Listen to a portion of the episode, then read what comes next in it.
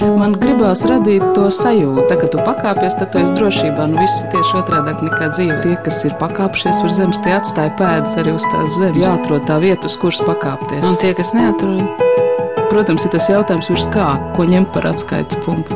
augstāk par zemi. Augstāk par zemi. Augstāk par zemi.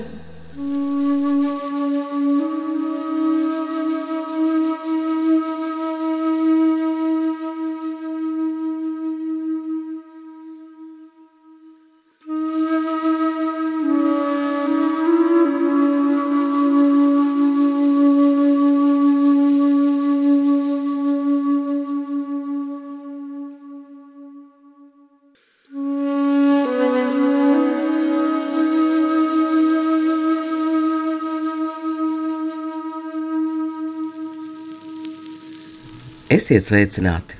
Nesen uz Dēls teātras skatuves viesturkaireša režijā tapušajā Ibsena brandā galveno varoni iemieso sieviete. Vai tu esi mūsu mācītāja?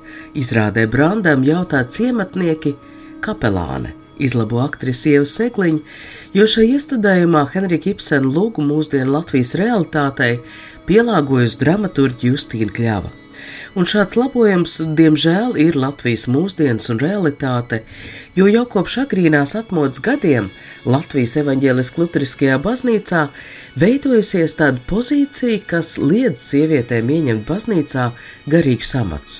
Viņas var kalpot kā evaņģēlistes vai kapelānes, nozīmīgos baznīcas ritus noturot tikai mācītāju vīriešu klātbūtnē un mūsinoši šādu baznīcas pārliecību par svēto rakstu interpretācijas nemaldīgumu dara fakts, ka iepriekš Latvijā jau kopš 1975. gada sievietes mācītājas tikušas ordinētas, un Lutheriskajā baznīcā tiek ordinētas gandrīz visā pasaulē un vēl jo sāpīgāk, ka Lelba par savu lēmumu atsakās diskutēt sabiedrībā, taču jau ordinētās sievietes mācītājs neskaidru iemeslu dēļ no amatiem tiek atbrīvots, un arī vēstures liecības par sievietēm baznīcā, un lielākoties tās ir bijušas patiesi izcils personības, tiek atbīdīts kaut kur nostāk, it kā tiek aizmirsts un marginalizēts. Nesen tapusī režisors Kristīns Briedis filmas Vārstības, kas savu pirmizrādi šajās dienās piedzīvo Nacionālās kino balvas lielais Kristaps skatē, ar kameras aci seko trīs Latvijas luterāņu sieviešu mācītāju dzīvēm. Vaira Bitēna, pieder pie pirmās 1975. gadā ordinēto sieviešu mācītāju paaudzes. Rudīts Losāns kapelāns darbam Iļģiciem sieviešu cietumā piemineklis uzcelts jau Elīts Kļaviņas lieliskajā filmā Iļģiciem māsas. Dace Balode, man šodienas sarunbiedre, ir teoloģijas doktore, Latvijas Universitātes profesora, teoloģijas fakultātes dekāne. Abas pēdējās ir izvēlējušās piepildīt savu aicinājumu un tikušas ordinētas kādreizējās Latvijas trimdas baznīcas, Latvijas evaņģēliskās luteriskās baznīcas ārpus Latvijas, kas nesen mainījusi nosaukumu uz Lelba pasaulē paspārnē. Latvijas evaņģēliskās luteriskās baznīcas aizliegums arī iepriekš veicināja sieviešu, kuras ir iegūšas teoloģijas augstāko izglītību, došanos kalpot uz ārzemēm, taču šobrīd, kad Lelba pasaulē reģistrēta kā Latvijas baznīca, sievietēm ir iespēja tikt ordinētām un kalpot kā mācītājām arī Latvijas draudzēs. Vai netaisnība, kas nebūtu pieļaujama laicīgajā dzīvē, tomēr var arī mūsdienās pastāvēt baznīcas ietvaros, kādas gal galā ir mūsdienu cilvēka attiecības ar Dievu, un kāpēc reizēm kāda cilvēka dievizjūta ir tik ļoti krasā pretrunā ar baznīcas piedāvātajiem oficiālajiem ritiem. Mans vārds ir Anna Bušvica, un par šiem jautājumiem šodien sarunāšos ar mācītāju un arī filmas svārstības vienu no varonēm Dacu Balodi, kā arī filmas režisori Kristīna Briedi. Būtībā filma ir par mūsdienām, un filma fokusējas uz to, ka ir arī sieviešu dzimuma pārstāvis, kuras ir izjutušas šo te. Tiem, kas nav reliģiskajā vidē, tik daudz varbūt nesapratīs tik labi šo vārdu aicinājums, bet es ar to saskaros visu laiku filmas veidošanas gaitā. Kļūt par mācītāju tā nav profesija. Tas ir tā saucamais aicinājums, kurš nāk no no vismaz diviem avotiem. Un viens ir tas dieva aicinājums, ka cilvēks pats to jūt, un otrs ir baznīcas aicinājums. Un tā sāpe vai tas, kas nav noticis līdz galam, jau 30 gadu garumā mums Latvijā ir, tādas sievietes, kas ir saņēmušas šo dieva aicinājumu, bet viņas nav saņēmušas šo baznīcas aicinājumu. Tas ir viņām bijis liekts, tāpēc, ka ir bijis tāds lēmums pirms tieši 30 gadiem. Pastāstīsiet par to aicinājumu, kā to var piedzīvot. Es laikam pie tiem cilvēkiem piedarētu, kas teiks, ka ne tikai mācītājs saņem aicinājumu, bet uh, varbūt, ka jūs kā žurnālisti, Kristīna kā režisore arī jūt savu aicinājumu, vēlmi izpaust tās dāvanas, kas ir cilvēkam dotas. Man liekas, ka tad, ja kaut kāds šķērslis ir tajā ceļā, nav iespējams to īstenot, tad mēs varbūt pa īstam kādreiz sajūtam to, ka Nē, nu bez šī dzīvot es īsti negribu un nevaru. Tie ir tie brīži, kad uh, ir tā sajūta, ka, tā kā varbūt Luters teica, šeit stāv un citādi nevar, bet ir tā sajūta, ka kaut kas ļoti būtisks no manas būtības, no manas tiek paņemts, ja to nav iespējams īstenot. Un, protams, ka varbūt ka vienam cilvēkam nav viens vienīgs aicinājums, un, un ir iespēja darīt dažādas lietas, bet uh, kaut kas līdz galam varbūt netiek īstenots. Man jāsaka, es varbūt tā no savas pieredzes. Es tomēr esmu visu laiku bijusi saistīta ar teoloģiju, un tā ir bijusi mana ļoti lielā privilēģija. Jo izstudējot teoloģiju, nu, tas viens no, varētu teikt, lielā mērā dabiskajiem ceļiem ir dabas baznīcā, un tas nebija iespējams. Un tomēr man bija tā iespēja nodarboties līdz šai brīdim arī teoloģiju, pat ar to nodrošināt savu iztiku. Un varētu likties, ka nu jau viss ir pietiekami. Un tomēr man pašai par pārsteigumu ordinācija un, un darbs baznīcā ir iedevis tādu, tādu jaunu brīvību, ko es pirms tam, es varētu teikt, nepazinu. Un šis ir kaut kā tāds solis, tāds pārsteigums faktiski man pašai, ka tas uz mani ir iedarbojies tādā veidā. Pēkšņi kaut kāda viena tāda siena, robeža, kas ir bijusi manā dzīvē, tās vairs nav. Darbs baznīcā, dievkalpojums ir atmodinājuši kādu tādu uzticību manis pašas intuīcijai, drosmei runāt, un, un, un kas it kā likās jau pirms tam jau pietiekami ir, bet tas ir kaut ko iedevis tādu, kas, kas citādi varbūt nebūtu. Jūs jau minējāt to momentu, ka mēs nerunājam par ikdienas situāciju. Mēs runājam tomēr par šo dieva aicinājumu, par vidi, kurā ir mazliet citi nosacījumi.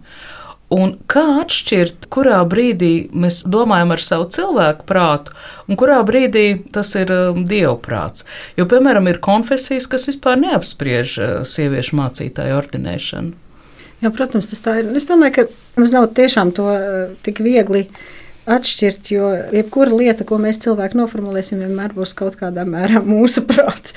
Mēs neviens nevaram izkāpt ārā no savas cilvēcības un runāt no tās katedras, kur nu, mēs teiktu, nu, tas ir tāds tīrais dieva vēstījums. Un jāsaka, paskatāmies cauri baznīcas vēsturei, tad uh, mēs ļoti daudz redzam to cilvēcību. Un jāsaka, tā, tā reliģija tomēr arī tāds ļoti daudz cilvēcības apliecinājums ir. Un tāpēc man liekas, ka pretenzija vispār, ka mēs te kaut kā runājam no, no dieva kroša kabatiņas, cilvēkam vajadzētu nomierināties un teikt, ka tā nemaz nevar. Es tomēr ticu arī dieva providencei un dieva balsī, kas izskan cauri arī tam cilvēcīgajam. Man vienmēr liekas, ka nu, kā to atpazīt šai pasaulē, Tas izklausīsies varbūt ļoti banāli, bet, ja gribat, tad nu, tā dieva balss vienmēr ir mīlestība šai pasaulē. Tur, kur netiek darīts pāri, tur, kur ir uh, iedrošinājums cilvēkam būt cilvēkam, tur, kur notiek tā cilvēka augšana, tur tā dieva balss, man liekas, skan šajā pasaulē. Mīļie brāļi mīļās māsas, jautājums ir tiešām ļoti nopietns. Mums ir zināma satversmes preambula, kura izriet no tā, ka mūsu mācība pamatojas uz svētajiem rakstiem, un tādēļ šis jautājums par garīgo amatu ļoti nopietni paceļās. Es gribētu, lai tomēr sinods šo jautājumu izlēmtu. Jautājums ir konkrēti par sieviešu ordināciju. 2016. gada jūnijā Lelba sinode pieņēma Lelbas atvērsmes 133. panta grozījums, kuri noteica, ka turpmāk ordināciju Lelba mācītāja amatā drīkstēs lūgt tikai vīrieši. Mēs tikāmies, starp citu, pirms pāris gadiem un runājām par topošo filmu, un tobrīd šķita, ka tā galvenā problēma ir pārliecināt uh, Lelbu, nu, ka viņi varētu vēlreiz pārskatīt šo jautājumu. Šobrīd šķiet šī konflikta situācija principiāli izmainījusies, jo arī Latvijā šobrīd sievietēm ir iespēja kļūt tikt ordinētām par mācītājām. Es gan jāsaka, jūtos vēl joprojām ļoti lielā mērā saistīta. Tā ir bijusi mana baznīca, manas mājas kopš 18 gadu vecuma Lelba. Es nevaru teikt, ka man ir vienalga, kas notiek šīs baznīcas ietvaros. Protams, mana pirmā lojalitāte šobrīd ir baznīcai, kurā es esmu ordinēta kā mācītāja lielu pasaulē. Man liekas, ka baznīca nav kaut kas tāds atdalīts vai kaut kāda pilnīgi telpa ārpus visas kopīgās sabiedrības. Un tas, kas notiek baznīcā, iespaido to, kas notiek sabiedrībā un otrādi. Un lielā mērā tāpēc mēs esam kaut kādā mērā tomēr visi viens organisms. No acīm redzot, mēs tomēr viens otru iespaidojam. Tāpēc man liktos, ka vēl joprojām ir nozīmīgi runāt, arī šo jautājumu neaizmirst, arī to sieviešu dēļ, kas ir liela un gribētu kļūt tur mācītājs. Un arī beig beigās tas, kas eh, ir noticis ar šo aizliegumu vai sieviešu neordinēšanu, ir tas, ka pazūd tā bilde vispār no acīm, ka ir sieviete mācītāja, ka tas ir kaut kas normāls pēdiņās liekot. Es kaut kur es to vienreiz kaut kur jau teicu, un vienreiz kaut kur es dzirdēju šo domu, kas man ļoti pašai, man tiešām tas uzrunāja, ka evaņģēlijas, tā vēsts, ko baznīca arī gribētu nodot tālāk, zaudē, ja to interpretē tikai viens dzimums. Un, ja ir iespēja, ka to var interpretēt un dot tālāk arī gan vīrieši, gan sievietes, ir, man liekas, tas ir tikai ieguvums. Kad tas sākās pret tām sievietēm?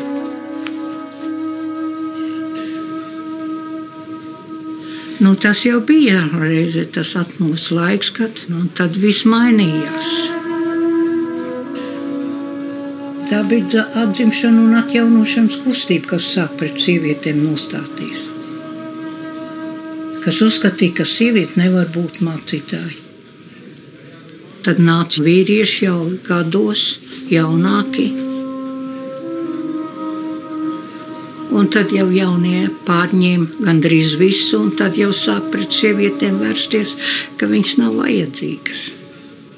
Viena no nedaudzajām Lielba atzītajām sievietēm mācītājām ir Vaira Bitēna, ordinēta 1975. gadā, taču arī viņa 1983. gadā piedzīvoja vēršanos pret sevi, kad septiņi jauni mācītāji nosūtīja visiem mācītājiem un konsistorijai kolektīvu vēstuli, kurā paziņoja, ka saistībā ar rupjiem pastorālās ētikas pārkāpumiem vairs neuzskata vairu bitēnu par piederīgu baznīcas garīdzniecībai un lūdz pārskatīt arī turpmāko sieviešu mācītāju ordinācijas liederību. Šo notikumu Linards Rozentāls detalizētāk apraksta savā pētījumā izdzīvošana, precizējot, ka par pārkāpumu tika uzskatīta vairs bitēnas neveiksmīgās neiespējamās laulības šķiršana, kā arī viņa bija sniegusi interviju filmai, kurai, kā tas padomu laikā būtu pašsaprotam, bijusi ateistiski ievirse. Vaira bitēna labprātīgi uzrakstīja atlūgumu, taču draudze pieprasīja viņas atgriešanos amatā. Es gribu pateikt kaut ko par vāju bitēnu. Un, uh, droši vien, ja nebūtu vāja bitēna, es nezinu, vai būtu mācītāja. Es viņu esmu maz piedzīvojusi draudzē, vadot dievkalpojumus. Visvairāk es viņu esmu sastapusi mūsu sieviešu teoloģiju apvienības sanāksmēs. Viņas stāja, viņas neapšaubām dziļā dievbijība, viņas arī tāda uzticība viņas aicinājumam arī viņas apbrīnojamā pārliecība par to, ka vienalga, kas tur apkārt ir noticis baznīcā, viņa ir bijusi un ir savā vietā. Viņa nav iesprāgusies tur, kur nevajag. Tas uz mani ir atstājis ļoti lielu iespaidu. Viņai pavisam nav bijis viegli. Bet tas augstus tev bija visgarākais periods. Gan drīz, jā, saukrastos bija vairāk kā 25 gadi. Bet arī Vilķenē bija 19 un Ledurgā bija kaut kur 24 laikam. Visur es tur ilgi kalpoju. Līdz es salūzu slimības dēļ, ka es biju pārpūlējusies, man vienlaicīgi bija piecas draugs jāapkalpo. Lieldienās es noturēju piecus dievkalpojumus, no rīta septiņiem līdz vakarā sešiem. Nu, cik ilgi tās sirds varēja vilkt? Nu, jā, nu tā salūšana bija ar to, ka es tur te pārlē pa nakti izgulējās krāsotā baznīca, un tur es saindējos. Es pat es ar acītu un krāsu visu grīdu, visu solus pārlē nokrāsoju. Neviens nedēļa naktsmājas, baidījās no mācītāja, jo tur piedraudēja. Kas dos mācītājiem naktsmājas, tiem būs jārēķinājās ar ciem pretestību un visiem bailes. No ko es Atstāju vienu mazu nenokrāsot pleķīt, domāju, nu no rīta, kad celšos, tad to nokrāsošu un, un braukšu uz Rīgu. Bet no rīta jau piecelties vairs nevarēju. Bet es biju tā pārgurus, ka es ātri aizmīgu, un es nemaz nejūtu, ka es saindējos. Bet paklausies, bet tad kopā tu esi nokalpojis 45 gadus. Jā. 45 gadus. Jā. Un patiesībā, kā studenti, man kā studentē bija vissmagākie darbi. Jo pirmā bija vilciena, kura bija pirmā gadā jāizremontē. Es kāpu bērniņos pa trepēm augšā un cementēju dakstiņu. Tie bija izļurkājušies un lietas tecēja iekšā. Un tas bija pirmais darbs, kas bija jāglāb. Vecās sieviņas man nes pa trepēm augšā masu, ko vēl pa tums sataisīja vīrietis, kas mācīja to masu sataisīt, jo mēs nemācējām kā tā situācija mainās tajā brīdī, kad um, nu, nāk tas uh, sieviešu ordinācijas aizliegums un uh, kādā sanāksmē, kur viņa ir aizgājusi, viņa apsēžās un, un kolēģis vīrietis, kas sēž turpat blakus, pieceļās demonstratīvi un aiziet apsēsties citā vietā, jo viņš nesēdēs blakus sievietei. Par spīti tam visam viņa ir bijusi mācītāja, palikusi nu, tajā vietā, kur viņa ir bijusi aicināta. Tas nenozīmē, ka viņa ir ideāli bijusi savā dzīvē, ka viņas dzīvē nav kļūdu. Tāpat tas viss arī ir. Tomēr nu, uz mani tas ir atstājis to iespaidu, ka man ir tā sajūta, ka kāds ir gājis pirms manis pa to taciņu, kāds ir izcirts varbūt tādu ceļu, kur man jau ir vieglāk iet. Tu arī viesojies pie vairas bitēnas. Mēs vēl pavisam nesen tikāmies. Es parādīju viņai filmu, kur viņa arī piedalās, jo viņa veselības stāvokļa dēļ nu, nevarēs atnākt un noskatīties. Bet vēl es gribēju pieminēt arī vienu no savām varonēm. Jūs viņu varēsiet redzēt filmā Agritus Taško, kas ir tāda evaņģēliste kurzemē.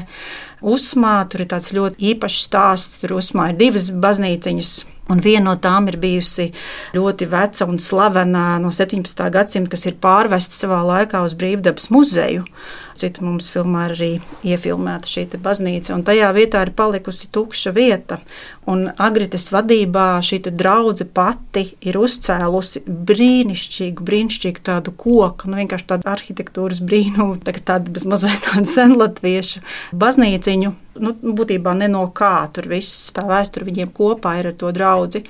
Un to jūs arī varat redzēt filmā, cik stipri tā draudzene viņu aizstāv. Jo tad ir eh, brīdis, kad Agritai paliek paliek 70 gadu un izrādās, ka pēc lēlu likumiem viņai ir jāiet emeritūrā, kas nozīmē baznīcas valodā nu, pensijā.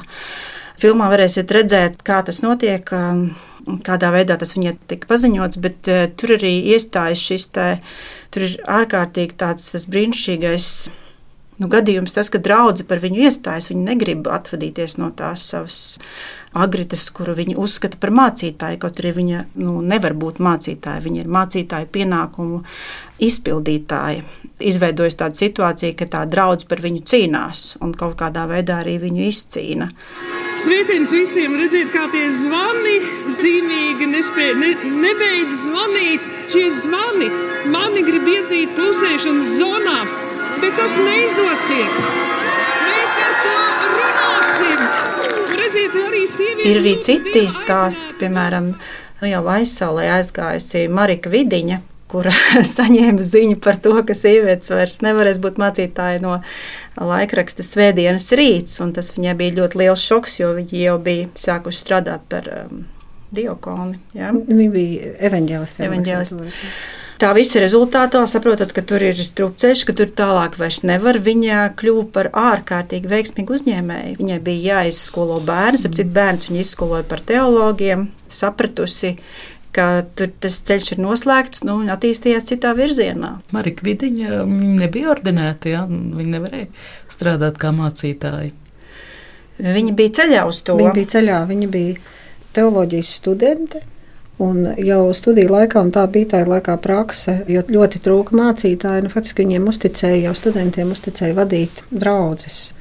Viņi strādāja un vadīja diezgan lielu draugu, bija arī bija labi panākumi viņai šajā darbā. Tas brīdis, kad sieviešu ordinācija tika apturēta, principā ir brīdis, kad viņa aiziet no šī darba. Protams, Viņa īstenojas ļoti spilgti, jāsaka, ļoti, ļoti veiksmīga biznesmene. Bet, um, Jā, jautājums, ko pazaudēja baznīca? Jā, vai nepazaudēja, piemēram, iespēju mums iegūt šo 30 gadu laikā arī kādu garīgo līderi? Es eh, gribētu, lai jūs saprotat mani pareizi, mums ir garīgie līderi, ir sievietes, gan valsts vadītāji, mums bija politiķis, režis, nu jūs paši zinat. Bet tieši garīgais līderis, kam būtu aizmugurē organizācija, teiksim, baznīca, tādas iespējas mums nav bijis. Iespējams, ka mums tādi būtu bijuši, un uh, mums viņa nav.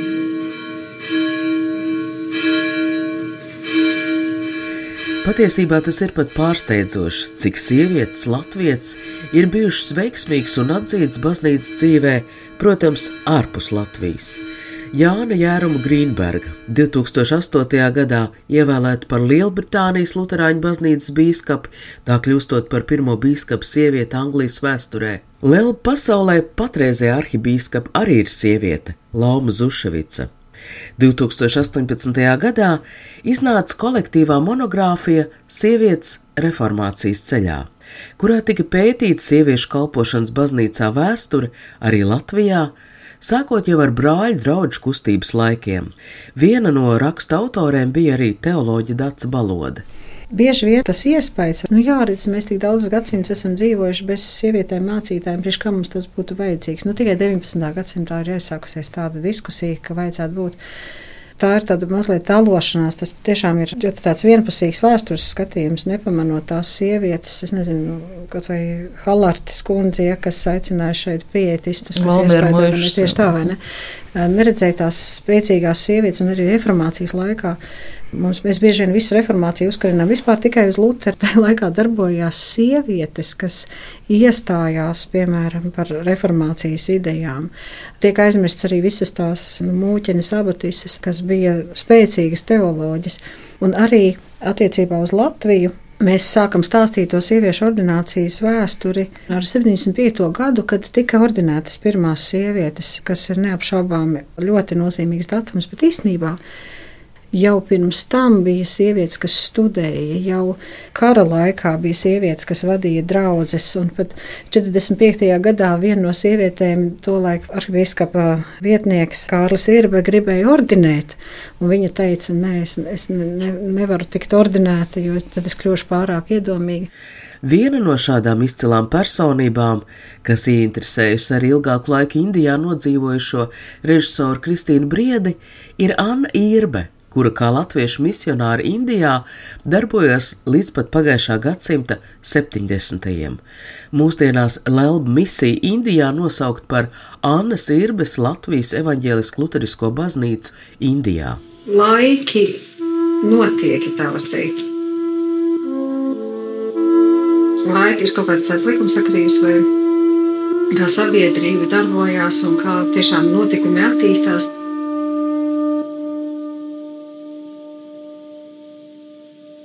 Tā pašā laikā ir visu laiku jādara kaut kas, ka tie laiki mainās. Ir tagad jāpilina tas piliens. Ir tas šķērslis, tad notiek tā pilināšana, pilināšana, pilināšana. Un tikai tad, kad mēs esam sapilinājuši tik daudz, ka var tikt pāri, tad aiziet tālāk tas solis. Sieviešu ordinācijas jautājums Latvijā nav izsaucis pamanāms protestu sabiedrībā, un man tā nebūtu nešķiet laba zīme. Tas drīzāk signalizē, ka sabiedrībai ir viena alga, kas notiek baznīcā. Šo jautājumu varētu uzskatīt par baznīcas iekšējo lietu, taču vienlaikus jautājums par sieviešu tiesībām kalpot baznīcā ir ļoti cieši saistīts ar valsti un politisko gribu. No vienas puses tā ir cīņa par dzimumu līdztiesību savā profesijā, un arī iemesli, kāpēc Lēlba pasaulē draudzes nevar darboties tajās Latvijas baznīcās, kuru īpašuma tiesību mantiniece Lēlba, ir drīzāk tiesisks, likumdošanā balstīts. Latvijas Savienības Lutriskā baznīca pasaulē Latvijā nav ar tradicionālas baznīcas statusu. Tādu statusu atzīst speciāli baznīcu likumi vai tas ir tāds labākais ceļš, bet nu, tā Latvijā šis juridiskais ceļš ir tā iets, un Latvijas Evanģēlas Lutriskā baznīca ir atzīta kā šī tradicionālā, un baznīca pasaulē nē. Un tas, protams, ir tāds nu, statusa, prestiža jautājums. Jā kas atšķir varbūt abas baznīcas. Ilgāku laiku reliģisko organizāciju likums noteica to, ka valstī nevar būt divas vienai konfesijai piedarošas baznīcas, kas attiecīgi neļāva Latvijas evaņģēlisku luterisko baznīcu pasaulē reģistrēt ar šādu nosaukumu. Nu, Latvijā liela pasaulē tika reģistrēta kā Latvijas baznīca. Jā, jau tā tiešām bija ārpus Latvijas baznīcas 2022. gadā, un tas, kas nav šobrīd pieejams vēl pasaulē. Latvijā ir nu, kapelānu dienests, tiesības laulāt. Nu, varbūt būtu jānoskaidro precīzāk, vai tas būtu šobrīd jau risināms. Nu, tur būtu tāds darbs jāpieliek, un atkarīgs tas ir no politiskās gribas ar likumdošanu varētu risināt. Pēc būtības tomēr abas baznīcas sāradz sevi kā tās Lutriskās baznīcas pēcteces, kas bija dibināta pirms kara Latvijā. Pēc būtības līdzvērtīgas, jā. Un te, protams, nu, gribētos, lai tas arī likumdošanā atspoguļotos Latvijā. Uz dāvināta mācītāja. Tiks ordinēta mācītāja. Vai kāds zina, kura tā būs? Nu, nu, nāc, pastāv augšā. Tā viņa būs, jā. Ienākot sievietēm baznīcā, nu, tas, kas izmainās, izmainās šī vide, šī atmosfēra, kāda tiek veidota. Tāds iespējas man radās. Man tas bija pats pirmais. Mana sajūta, man filma sākās ar to, ka mēs nofilmējām Dācis Balotas ordināciju 2018. gadā. Un tur bija pilna baznīca, un tur bija sabraukušas eh, ne tikai sievietes, bet arī vīrieši no visām pasaules malām. Tas man bija ārkārtīgs, ārkārtīgs pārsteigums, ka es redzēju, ka var būt arī tā. Tur bija pavisam cita atmosfēra, starp citu, no melnā uz balto, ja mēs runājam tieši vizuālos kodos. Ja. Tu domā par mācītāju apģērbu? Jā, un tur bija pilns ar, ar sievietēm, mācītājiem, un es vienkārši biju, es neko tādu nebiju tā pieredzējusi. Ja, un arī tā visa tāda nu, pilnīgi tāda, tāda cita atmosfēra. Tas nenozīmē, ka tur nebija svētuma, bet viņš bija kaut kāds tāds maigāks. Viņš nebija tas tāds nosodošais un tāds dogmatiskais. Viņš bija tāds atvērts un brīvs, un visi tur tik brīvi izturējās, un, un nebija nekāda nosodījuma tajā visā vidē. Man tas bija tāds ļoti liels piedzīvojums. Es tev pasludinu Dieva žēlastību un visu tavu grēku piedošanu, tēva, tēva un svētā gara vārdā. Es tev pasludinu Dievu žēlstību un visu tev grēku piedošanu, Dieva tēva, dēla un svētā gara vārdā. Amen. Un šādā ziņā tas mans uzstādījums, ka nofilmēt tādu Eiropas vidū 21. gadsimtā vēl tādu pēdējo revolūciju, tas varbūt nav tā īstenojies. Ja? Tā ir bijusi tāda klusā tāda transformācija, kas ir notikusi. Ja? Bet es gribēju parādīt to, ka, ka šis ceļš nav bijis vienkāršs, ka viņš tiešām ir ļoti tāds akmeņiem pilns ceļš. Tas ir bijis tiešām grūti viņām, un, un viņas to ir darījušas caur tām grūtībām. Man liekas, tas ļoti nozīmīgi. Tas ideālais gadījums būtu, ka tā viena gan otra puse spētu sarunāties viens ar otru, un uzreiz tas viedoklis, jau kāds viedoklis, netiktu demonizēts.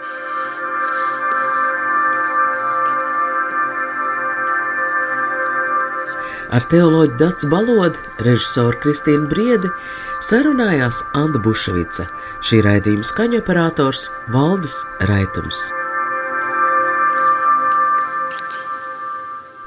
Tā, kad tu pakāpies, tad tu esi drošībā. Nu, viss ir tieši otrādi nekā dzīve. Tas ir tā spēle, jā. Tie, kas ir pakāpšies virs zemes, tie atstāja pēdas arī uz tās zemes. Protams, ir tas jautājums, ko ņemt par atskaites punktu. Nē, nu, principā ir skaidrs, augstāk par zemi. Jāatrod tā vieta, uz kuras pakāpties. Augstāk par zemi. Augstāk par zemi. Augstāk par zemi.